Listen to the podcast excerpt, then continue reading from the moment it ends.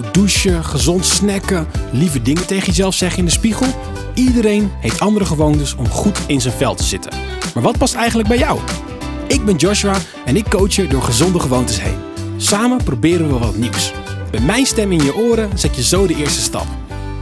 Vandaag gaan we onze hoogtepunten opschrijven. Je weet wel, die dingen waar je vandaag om hebt gelachen of waar je een warm gevoel van binnen van kreeg. Nou, vaak gaat een dag zo snel dat we vergeten hierbij stil te staan. En ik zelf herken dat ook hoor.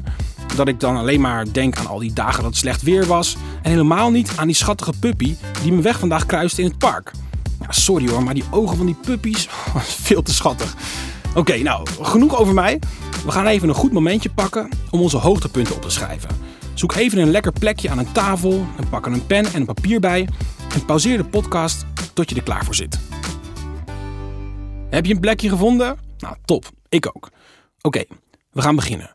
Zet drie streepjes onder elkaar op papier. Schrijf vervolgens achter elk streepje één hoogtepunt.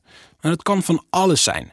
Denk aan iemand die je een compliment gaf vandaag, of iets moois wat je vandaag hebt gezien, of iets lekkers wat je vandaag hebt gegeten. Het kan zowel iets kleins als iets groots zijn. Oké, heb je wat in gedachten? Schrijf het op. Gelukt? Top. Laten we er even kort bij stilstaan. Want dit geeft je toch gewoon een lekker gevoel, of niet? Hm, lekker hoor. Wat een toppunten. En mocht je het leuk vinden, dan kan je het papiertje ook ergens ophangen.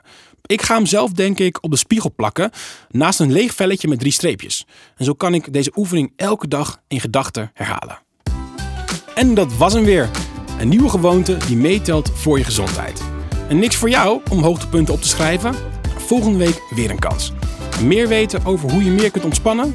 Ga dan naar zilverenkruis.nl slash meer ontspannen.